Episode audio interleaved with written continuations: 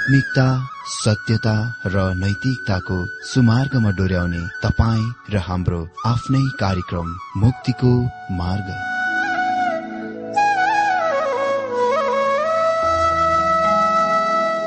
आदरणीय श्रोता यस मुक्तिको मार्ग कार्यक्रममा हार्दिक स्वागत छ।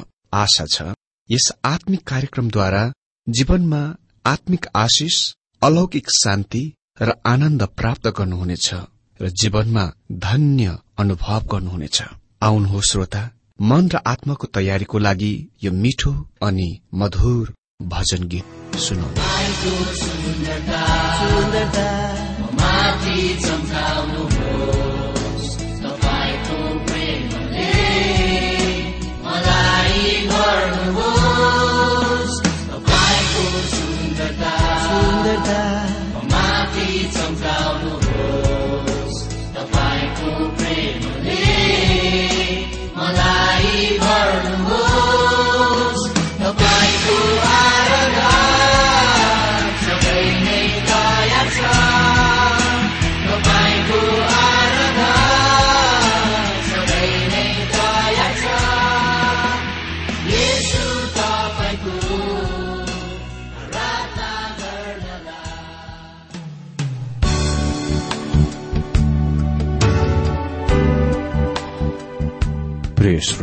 यो प्रसारण मार्फत यो अवगत गराउन चाहन्छौ कि प्रभुको सेवाको लागि यहाँहरूको साझेदारी नित्यन्त आवश्यकता छ। यहाँहरूले प्रार्थनाको साथसाथै आर्थिक सहायता गर्न अनुरोध गर्दछौ।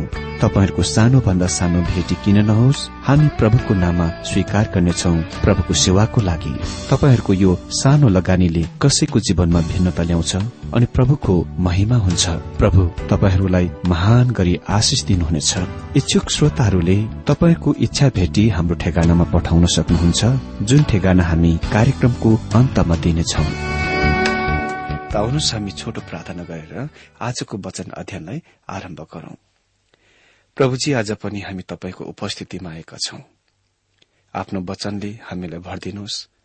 त्यस्तो वचन दिनुहोस् जुन हामीलाई आवश्यकता छ ताकि प्रभु हामी तपाईँको विश्वासमा प्रेममा र प्रभु वचनमा बढ़न सकौं र तपाईँ प्रभुलाई हाम्रो जीवनदेखि महिमा गर्न सकौं। येशु प्रभुको नाममा यो प्रार्थना माग्छु। आमेन। मित्र आजदेखि हामी बाइबल अध्ययन प्रकाश तेह्र अध्यायबाट आरम्भ गर्न गइरहेका छौं। सातौं तुरहीद्वारा हामीलाई सात व्यक्तित्वहरूको परिचय गराइएको। अनि तिनीहरूमध्ये पाँचको हामीले बाह्र अध्यायमा भेट्यौं।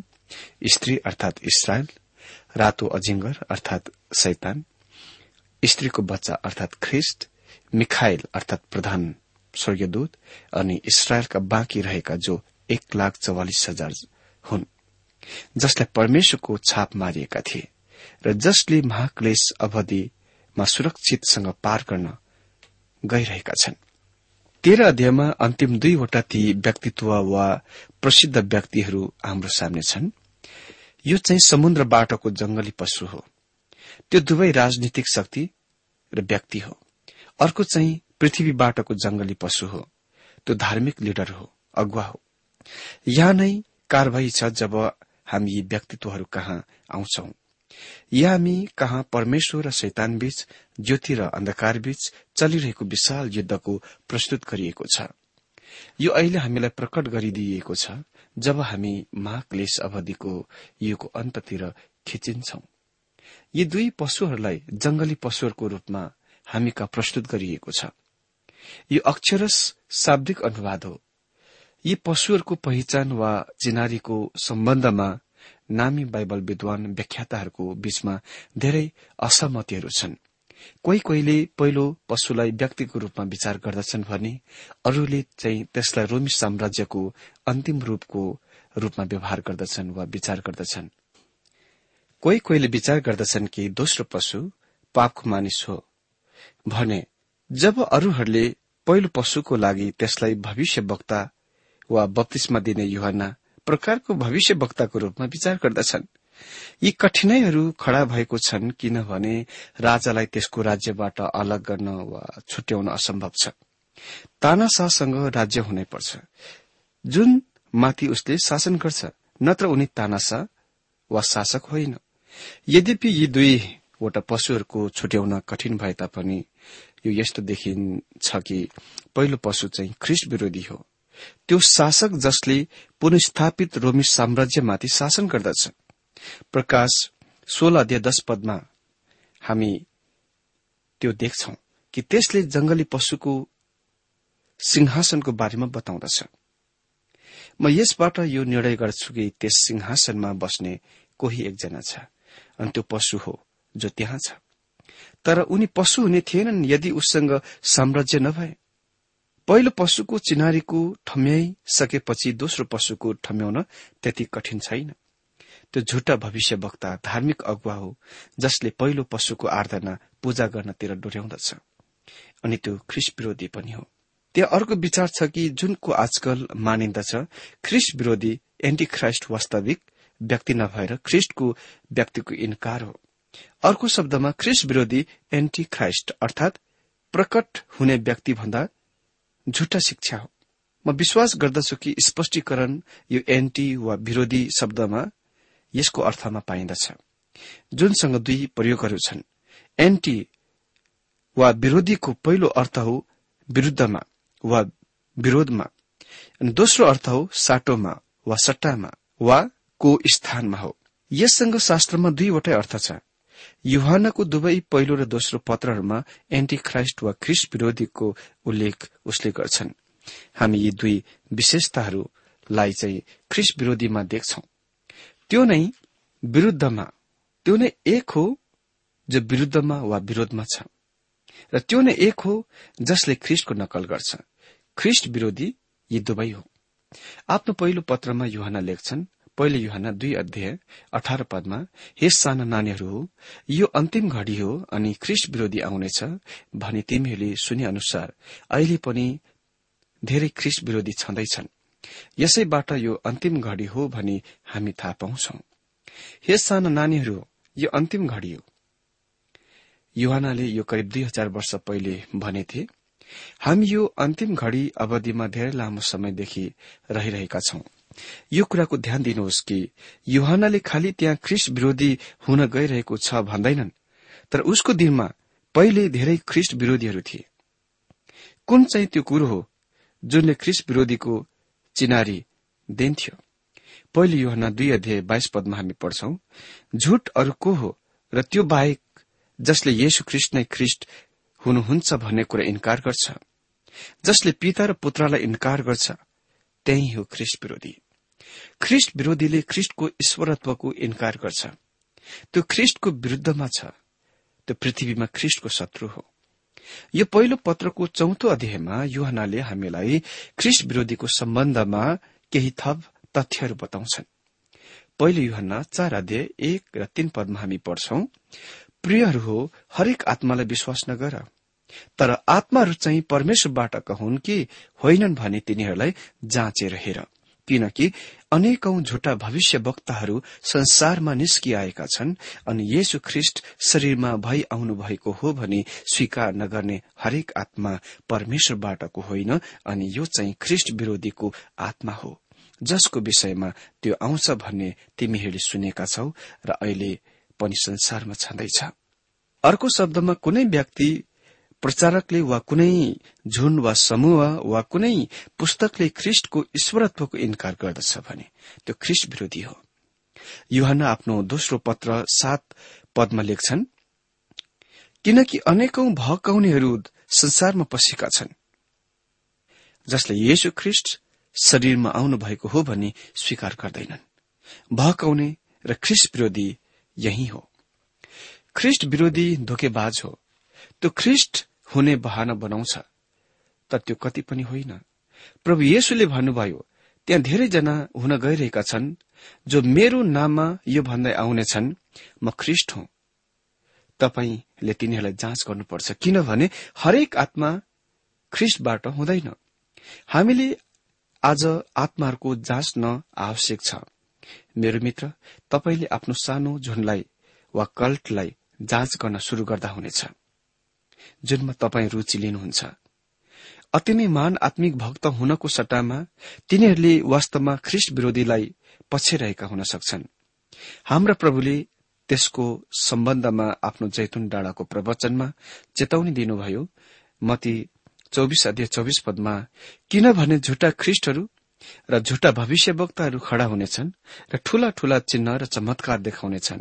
यहाँसम्म कि सम्भव भए त तिनीहरूले चुनिएकाहरूलाई पनि भहकाउनेछ त्यहाँ ख्रिस्ट विरोधीहरू खड़ा हुनेछन् जसले आश्चर्य कार्यहरू चमत्कारहरू देखाउनेछ यो दोस्रो पशु वास्तवमा साँच्चीकै चमत्कार पूर्ण काम देखाउने वाला हुनेछ। त्यो ख्रिस्ट विरोधी हो। त्यसकारण पहिलो पशु राजनीतिक ख्रिस्ट विरोधी हो अनि दोस्रो पशु धार्मिक ख्रिस्ट विरोधी हो। शैतानले पनि त्यो सबैलाई एक व्यक्तिमा हाल्न राख्न सक्दैन। म विश्वास गर्दछु कि त्यहाँ दुई व्यक्ति छन्। ती दुई व्यक्तिहरू जो ख्रिस विरोधी हुन्। त हामी आज खाली प्रकाश तेह्र अध्यय एक र दुई पदबाट वचन अध्ययन गर्नेछौ। यहाँ हामी सर्वप्रथममा देख्नेछौ समुद्रबाट जंगली पशु जो राजनीतिक शक्ति र एक व्यक्ति हो। त यस विषय अन्तर्गत हामी देख्छौ जंगली पशुको वर्णन। तेह्र अध्याय एक पदमा यस प्रकार लेखेको छ अनि म समुद्रको बालुवामाथि उभिएँ अनि सातवटा टाउका र दसवटा सिंह अनि त्यसका सिंहहरूमाथि दसवटा मुकुट र त्यसका टाउकाहरूमा चाहिँ निन्दापूर्ण नाम भएको एउटा पशुलाई मैले समुद्रबाट निस्कन्दै गरेको देखे। अमित्र म समुद्रको बालुवामाथि उभिएँ। यो वाक्यको अर्थ चाहिँ युवाना स्वयं बालुवामाथि उभिरहेको जस्तो सुनै पर्दछ होइन? तर यसको उक्तम पाण्डुलिपिहरूले देखाउँछ कि यस वाक्यमा प्रयोग भएको सर्वनाम शब्द म नभएर ऊ हो। अँ ऊ को हो त? भन्दा हामीले अघिल्लो बार अध्यायमा अन्तिम कसको बारेमा कुरा गरिरहेका थियौं? त्यो उही व्यक्ति हो। अनि त्यो निश्चय नै शैतान हो। एउटा पशुलाई मैले समुद्रबाट निस्कन्दै गरेको देखेँ। कसले उसलाई समुद्रबाट निकाली ल्याउँदछ त? शैतानले उसलाई समुद्रबाट निकाली ल्याउँदछ शास्त्रमा समुद्र संसारको मानव जातिको विश्रामहीन समुद्र जस्तै राष्ट्रका तस्विर हो। सातवटा टाउका र दसवटा सिंह अनि त्यसका सिंहहरूमाथि दसवटा मुकुट र त्यसका टाउकाहरूमा चाहिँ निन्दापूर्ण नाम भएको पशु। यो पशुले वास्तवमा दिमागलाई अलमल पार्दछ। यो अनौठो प्रकारको छ। अजिङ्गर सैतान। समुद्रको बलुवा वा त्यहाँ उभिन्छ अनि त्यसले नै समुद्रबाट त्यस जंगली पशुलाई ल्याउँदछ र त्यसलाई अधिपत्य गर्दछ। यो शैतानको निमन्त्रण हो।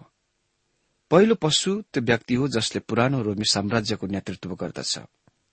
रोम खाली विघटन मात्र भएर पतन भएको थियो अनि त्यसले मात्र यस रोमी साम्राज्यलाई एकट्ठामा ल्याउन योग्य हुनेछ। त्यसले पुनस्थापित गर्नेछ। परमेश्वरले केही समयको लागि पृथ्वीबाट आफ्नो हात झिकिदिनुहुन्छ र त्यसको शैतानको हातमा सुम्पिदिनुहुन्छ। म विश्वास गर्छु कि यो आदर्श न्याय हो। परमेश्वरले शैतानलाई आफ्नो क्रियाको प्रदर्शन गर्नु अवश्य दिनै पर्छ। त्यसलाई पूर्ण शासन दिएर बागडोर दिएर नत्र शैतानले सधैँ आगोको कुण्डोबाट परमेश्वरलाई भन्नेछ तपाईँले मलाई कहिले पनि कुनै मौका दिनु भएन। यदि तपाईँले आफ्नो हात झिक्नु भएर मलाई एक्लै मात्र काम गर्न दिनुभए म मेरो उद्देश्यको पूरा गर्ने थिएँ र दोस्रो राज्यको स्थापित गर्ने थिए। तर परमेश्वरले त्यसलाई आफ्नो मनमर्जी गर्न मौका दिन गइरहनु भएको छ ताकि त्यसले उहाँलाई त्यसो भन्न वा त्यस्तो भन्ने मौका नपाओस्। दानियलको भविष्यवाणीको सम्झाई बुझाइ प्रकाशको पुस्तकको बुझाइको लागि एकदम महत्वपूर्ण छ। यो जंगली पशु दानियल सात अध्यायमा उल्लेखित अनौठो चौथो पशुको वर्णनमा एकदम मिल्दोजुल्दो छ। त्यहाँ यसले रोमी साम्राज्यको भविष्यवाणिक इतिहासको पेश गर्दछ। अर्थात सानो सिंह र त्यसको विध्वंसको पेश गर्दछ। त्यो चौथो पशु त्यस्तो देखिन्थ्यो मानव केही समयको लागि त्यो सुस्त निष्क्रिय बन्यो। अनि त्यसपछि त्यसको सात सिंहहरूमध्ये एउटाबाट दश सिंहहरू निस्क्यो। जुनबाट एउटा सानो सिंह आयो। युहानले यो प्रकाश लेखेको समयमा दानियलका प्राय सबै भविष्यवाणीहरू पूरा भइसकेका थिए। अनि प्रथम तीन पशुहरू बेबिलोन सिंह मादी फारिसी भालु र ग्रीस मेसोडोनिया चितुवा। यी सबै कुरा पूरा भइसकेका थिए। जब दानियले त्यसको दिए त्यो भविष्यवाणी थियो। तर त्यो युहानको समयसम्म पूरा भइसकेको थियो। त्यसकारण युहानले चौथो पशुमाथि र सानो सिंहमाथि विशेष आफ्नो ध्यानलाई केन्द्रित गर्छन्। किनभने चौथो पशु रोमी साम्राज्य प्रकट भएको थियो। युहान रोमी साम्राज्यको समयमा रहिरहेको छ वा रहिरहेका थिए र रोमी सम्राट डोमिसियनद्वारा पद्मसको टापुमा देश निकाला गरिएका पनि थिए। पहिले नै कमजोरिताको र क्षणको संकेतहरू चिन्हहरू त्यस समयमा देखा पर्न वा देख्न सकिने दृष्टिगोचर थियो। अनि युहान त्यसको तमाम हेर्ने दर्शक र श्रोता थिए जुन दानियलको दिनमा अझै भविष्य थियो। तापनि प्रकाशको पुस्तकमा मुख्य जोड़ दानियल सातको सानो सिंहको शासनमाथि छ। अनि सानो सिंहलाई हाम्रो सामने जंगली पशुको रूपमा प्रस्तुत गरिएको छ। किनकि उसले अहिले युहानको भविष्यवाणीमा पुनः स्थापित रोमी साम्राज्यको नियन्त्रणबाट शासन गरिरहेको छ। दानियल सात अध्ययको सानो सिंह र प्रकाश तेह्र अध्ययको जंगली पशु एउटै सामान्य हुन्। तपाई देख्न सक्नुहुन्छ दानियल सात अध्ययको बुझाइ वा सम्झाइ यो प्रकाश तेह्र अध्यायमा अनुच्छेदको सम्झाइ वा बुझाइको आधार हो। जंगली पशु पापको र ख्रिस्ट विरोधीको मानिस हो। अर्थात अन्तिम विश्वतानसा। यो अध्यायको अन्तिम पदले यो विचारको पुष्टि गर्दछ। यो अध्यायको आखिरी पदले यो मेरो विचारलाई पक्का गर्दछ। प्रकाश तेह्र अध्याय अठार पदमा लेखिएको छ बुद्धि यहाँ छ। जससँग सम्मत छ त्यसले त्यस पशुको संख्याको हिसाब निकालोस्। किनकि यो एउटा मानिसको संख्या हो। अनि त्यस संख्या चाहिँ छ सय छैसठी हो। हामी त्यस मानिससँग व्यवहार गरिरहेका छौं जो अन्त्यमा विश्व तानाशाह शासक हो। आज हाम्रो दिनमा मानिसहरू विशेष गरेर पश्चिमेली मुलुकहरू युरोपमा कमन मार्केट अर्थात साझा बजारको वर्तमान अस्तित्वको बारेमा अति नै धेरै खुशी र उत्साहित देखिन्छन्। अनि पूरा विश्व इतिहासमा हेर्ने हो भने त्यहाँ धेरै मानिसहरू आएका छन्। जसले त्यस युरोपलाई फेरि एकसाथ एकट्ठा गर्न पटक पटक प्रयत्न गरे। चार्ल म्याग्नेले यो गर्न प्रयत्न गरे र असफल भए। अनि म सोच्दछु कि रोमन क्याथोलिकले पवित्र रोमी साम्राज्यमा यसको गर्न प्रयत्न गरे र निश्चय नै त्यो पनि यसमा सफल भएन। पवित्र रोमी साम्राज्य भेना एस्ट्रियामा केन्द्रित थियो जुनले आज भ्रमण गर्न अति नै मजाको स्थान बनाउँछ।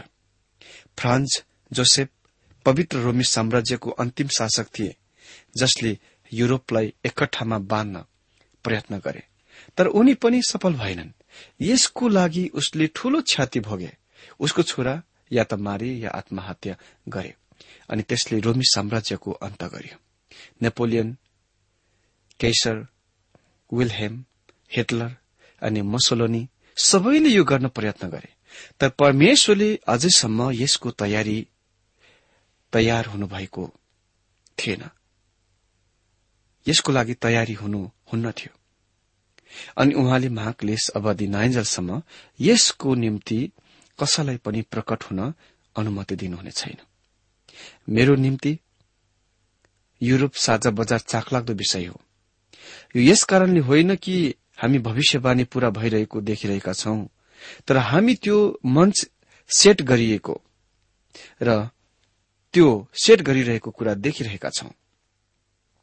जुनले प्रकट गर्दछ कि भविष्यवाणी पूरा हुन सक्छ।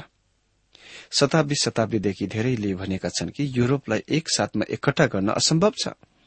परमेश्वर तयार नहुन्जेलसम्म यो असम्भव छ अनि शैतानले त्यसको लागि खास मानिसको आपूर्ति गर्न जुटाउन गइरहेको छ। साझा बजार कमन मार्केट चाखलाग्दो औजार वा साधन हो। बस त्यति मात्र। दश मुकुट सहितको दश सिंहले महाक्लेश अवधिको समयमा रोमी साम्राज्यको दसवटा विभाजनको बताउँछ। सिंहहरू दश राजाहरू हुन् जसले यो दश विभाजनमा शासन गर्दछ। यो व्याख्या प्रकाश सत्र अध्यय बाह्रद्वारा पुष्टि गरिएको छ। सानो सिंह सर्वप्रथममा यी तीन शासकहरूलाई ध्वस्त गरेर शक्तिमा आउँदछ अनि पछिबाट अरू सात शासकहरूलाई आधिपत्य गर्दछ। यसरी यो विश्व शासक तानासा बन्दछ। सात शिरहरूलाई त्यति सजिलै चिन्न वा ठम्याउन सकिँदैन। तिनीहरूले प्रकाश सत्र अध्यय नौ र दश पदमा सात राजाहरूको रूपमा व्याख्या गरिएको छ। दश सिंहहरूले जस्तै यिनीहरूले समसायिक रूपमा शासन गर्दैनन् तर तिनीहरू कालक्रमिक अनुक्रममा प्रकट हुँदछन्। कोही कोहीले तिनीहरूलाई निश्चित रोमी सम्राटहरूका प्रतिनिधिकहरूको रूपमा अर्थ खुलाउँदछन् जस्तै डोमिसियन जो त्यस बेला शासन गरिरहेका थिए। अनि अरूहरूले चाहिँ यी सात शिरहरूलाई सरकारका रूपहरू आकृतिको रूपमा अर्थ दिन्छन् जुनद्वारा रोमी साम्राज्य पार गरेको थियो। अनि तिनीहरूसँग राजाहरू परिषदहरू तानाशाहहरू सैनिक जनरक्षकहरू सम्राटहरू थिए। तेस्रो विचारधारणा यो छ कि सात शिरहरूले प्राचीन कालका सात विशाल राष्ट्रहरूको प्रतिनिधित्व गर्न सक्छ जसले परमेश्वरको निन्दा गरेथे जस्तै रोम ग्रीस मादिफारस कल्दी मिश्र र असुरिया। पशुको राज्य जुन अझै आउन बाँकी नै छ त्यो सातौं हुनेछ सातौं राज्य हुनेछ। अर्को सम्भावित विचार यो छ कि यी सात शिरहरू अजिङ्गरका सात शिरहरूसँग मिल्दोजुल्दो वा अनुरूप छ जुनले महान बुद्धिको दर्शाउँछ। शैतानले पापको मानिस अन्तिम तानाशाह ख्रिष्ट विरोधीलाई शक्ति बल प्रदान गर्छ। अमित्र यी माथि उल्लेख गरिसकेको कुनै पनि विचारधारणाहरूको बारेमा म सिद्धान्ति वा हरधर्मी हुन सक्दिन। अनि मलाई लाग्दैन कि त्यो गर्न ठूलो महत्वपूर्णको छ। यी सबै सात शिरहरू ईश्वर निन्दाको लागि दोषी छन्। गोबेटको अनुसार ईश्वर निन्दा आपसी आप दुई तरिकाहरूमा प्रकट हुन्छ। पहिलो आफैलाई परमेश्वरको समान वा बराबरी बनाएर मतलब उहाँको स्थानको बिना अधिकार हडप्रेर। अनि दोस्रो परमेश्वरको नाम व्यर्थमा लिएर अनि झुटो निन्दा गरेर। रोमका सम्राटहरू तिनीहरू त्यसको लागि दोषी थिए। तिनीहरूले आफैलाई परमेश्वरसँग समान बराबरी बनाए। रोमी साम्राज्यमा सम्राटहरूको पूजा हुन्थ्यो। पछिबाट फरिसीहरू यसको दोषी थिए जब तिनीहरूले पवित्र आत्माको निन्दा गरे। यहाँ पशु दुवैवटै रूपका दोषी हुन्। अनि दुई पदमा हामी पढ्छौं तेह्र अध्यायको दुई पदमा अनि मैले देखेको त्यो पशु चितुवा जस्तो थियो अनि त्यसका खुट्टा भालुका जस्ता थिए र त्यसको मुख सिंहको मुख जस्तो थियो अनि अजिङ्गरले त्यसलाई आफ्नो शक्ति आफ्नो सिंहासन र ठूलो अधिकार दियो। यो निश्चय नै अजिब्सा प्रकारको प्राणी हो। यस्तो जमीन वा समुद्रमा वा आकाशमा कहिले पनि देखिएको छैन। बिना सन्देह यो वास्तविक तानासा हो। युहानले नोट गर्दछन् कि त्यो मिश्रित संयुक्त पशु हो। हामी अहिले ख्रिष्टको विरोधीका सम्बन्धमा केही अति नै निश्चित तथ्यहरूको स्पष्ट रूपले व्यक्त गर्न सक्छौ। त्यसमा अन्य राजाहरूको प्रतिनिधित्व गर्ने पशुहरूको विशेषताहरूको समिजित देख्छौ वा त्यसको सम्मिश्रित देख्छौ जुन दानियलले सात अध्यायको आफ्नो दर्शनमा देखेथे। त्यस अनुच्छेदको र डाक्टर मग्गीको यस दानियलको पुस्तकको टीकालाई हेर्दा तपाईँको निम्ति यस बिन्दुमा मदतकार हुनेछ। पहिलो अनि मैले देखेको त्यो पशु चितुवा जस्तो थियो। अ त्यो पशुको बाहिर रूप चाहिँ चितुवाको जस्तो थियो। दानिल सात अध्यय छ पदमा हामी पढ्छौं त्यसपछि मैले हेरेँ र त्यहाँ मेरो अघि अर्को पशु थियो जुन चाहिँ चितुवा जस्तै देखिन्थ्यो। अनि त्यसको पिठ्यौमा चराको जस्तै चारवटा पखेटाहरू थिए। त्यस पशुमा चारवटा टाउकाहरू थिए र त्यसलाई शासन गर्ने अधिकार दियो अनि चितुवा चाहिँ ग्रीस म्यासोडोनिया साम्राज्य हो। अनि ग्रीस वा युनानलाई त्यसको ज्ञानको लागि कलाहरू र विज्ञानमा प्रसिद्ध थियो। त्यो त्यसको दर्शनशास्त्रको लागि पनि प्रसिद्ध थियो। साथै त्यसको घर निर्माण कला कौशल र त्यसका साहित्यहरूको लागि पनि त्यो प्रसिद्ध थियो। ग्रीक भाषा स्वयं नै अद्भुत भाषा हो। पशुको साम्राज्य सम्पूर्ण बाहिरीय संस्कृति छ जुन ग्रीसको महिमा थियो। अनि दोस्रो कुरा अनि त्यसका खुट्टा भालुका जस्ता थिए। यसले हामीलाई दानियलको दोस्रो पशुको स्मरण दिलाउँछ। दानियल सातको पाँच पदमा लेखिएको छ अनि मेरो सामने दोस्रो पशु थियो जुन चाहिँ भालु जस्तो देखिन्थ्यो। त्यसलाई शरीरको एक पट्टिबाट उठाइयो र त्यसका मुखका दाँतहरूका बीचमा तीनवटा करङहरू थिए। त्यसलाई यस्तो आज्ञा दियो उठ खान सक्ने जति मासु खा। यो चाहिँ मादी फारस थियो। जुन त्यसको अन्य जाति शान र वैभवको लागि प्रसिद्ध थियो जुन पृथ्वीमाथि अति नै विशाल ठूलो झुन्डसँग भव्य शानसँग अगाडि हिँड्दथ्यो बढ्दथ्यो पशुको साम्राज्यले सम्पूर्ण अन्य जाति वैभव ज्ञान शान धन सम्पत्ति हुनेछ जस्तो कि मादी फारससँग थियो। अनि त्यसको मुख सिंहको जस्तो थियो। यसले फेरि दानियल सातको चार पदको याद दिलाउँछ। पहिलो चाहिँ सिंह जस्तै थियो र त्यसका पखेटहरू चिल्का जस्तै थिए। त्यसका पखेटहरू नचुडाइन्जेलसम्म मैले हेरिरहे र त्यो मानिस जस्तै दुई खुट्टाले उभिने गरी जमिनबाट उठ्यो र त्यसलाई एउटा मानिसको हृदय दिइयो। यो चाहिँ बेबिलोनियन तानाशाही थियो जब नबुकनेश्वरले आफ्नो बुद्धिजीवी मानिसहरूको मृत्युको आज्ञा गरे र पछिबाट तीन यहुदी केटाहरूलाई जलिरहेको आगोको भट्टीमा हाल्ने आज्ञा गरे त्यहाँ उसको अधिकारको प्रश्न गर्ने कोही पनि थिएन। त्यो सुनको शिर थियो। उनी तानाशाही थिए। यद्यपि पापको मानिस ख्रिस्ट विरोधी दानियलले देखेको मूर्तिको एक औंला भए पनि जुन अलिकति माटो र अलिकति फलामद्वारा निर्मित छ त्यसले नबुखनेश्वरको तानाशाही अधिकारसँग त्यस प्रकारको अधिकारसँग शक्तिसँग शासन गर्नेछ। यो अन्तिम विश्व तानाशाह शैतानको अधिपत्य मुनि यस चरम बिन्दुमा आउँदछ। त्यसको शक्ति शैतानमा पाइन्दछ जसले नै त्यसलाई खड़ा गरेको छ उठाएको छ। त्यसलाई शक्ति बल तागत र बुद्धि दिनछ त्यसको आफ्नो काम पूरा गर्नलाई। त्यो शैतानको चोलाको सबभन्दा निकटवर्ती हो नजिकको कुरो हो जुन शास्त्रमा प्रकट हुँदछ। लुकाले भने बाइस अध्यय तीन पदमा सैतान यहुदा युतिको भित्र प्रवेश गर्यो। ख्रिस्टले पनि उही खालको भाषा प्रयोग गर्नुभयो। अमित्र निश्चय नै सैतान त्यसभित्र प्रवेश गर्यो।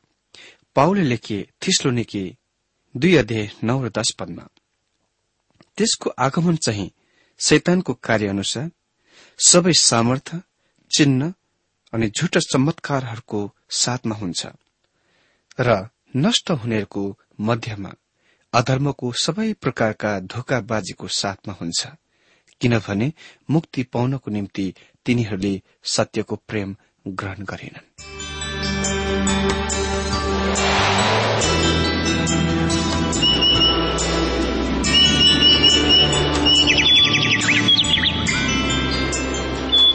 प्रिय श्रोता अहिले भर्खरै तपाईँले टीडब्ल्यूआर नेपालद्वारा सञ्चालित आत्मिक कार्यक्रम मुक्तिको मार्ग सुनिरहनु भएको थियो। श्रोता आजको यो कार्यक्रम सुनेर तपाईँलाई कस्तो लाग्यो? यदि यो कार्यक्रम सुनेर मनमा कुनै खुल्दुली वा कुनै प्रतिक्रिया अर्थात सुझावहरू छन् भने हामीलाई पत्रद्वारा लेख्न सक्नुहुनेछ।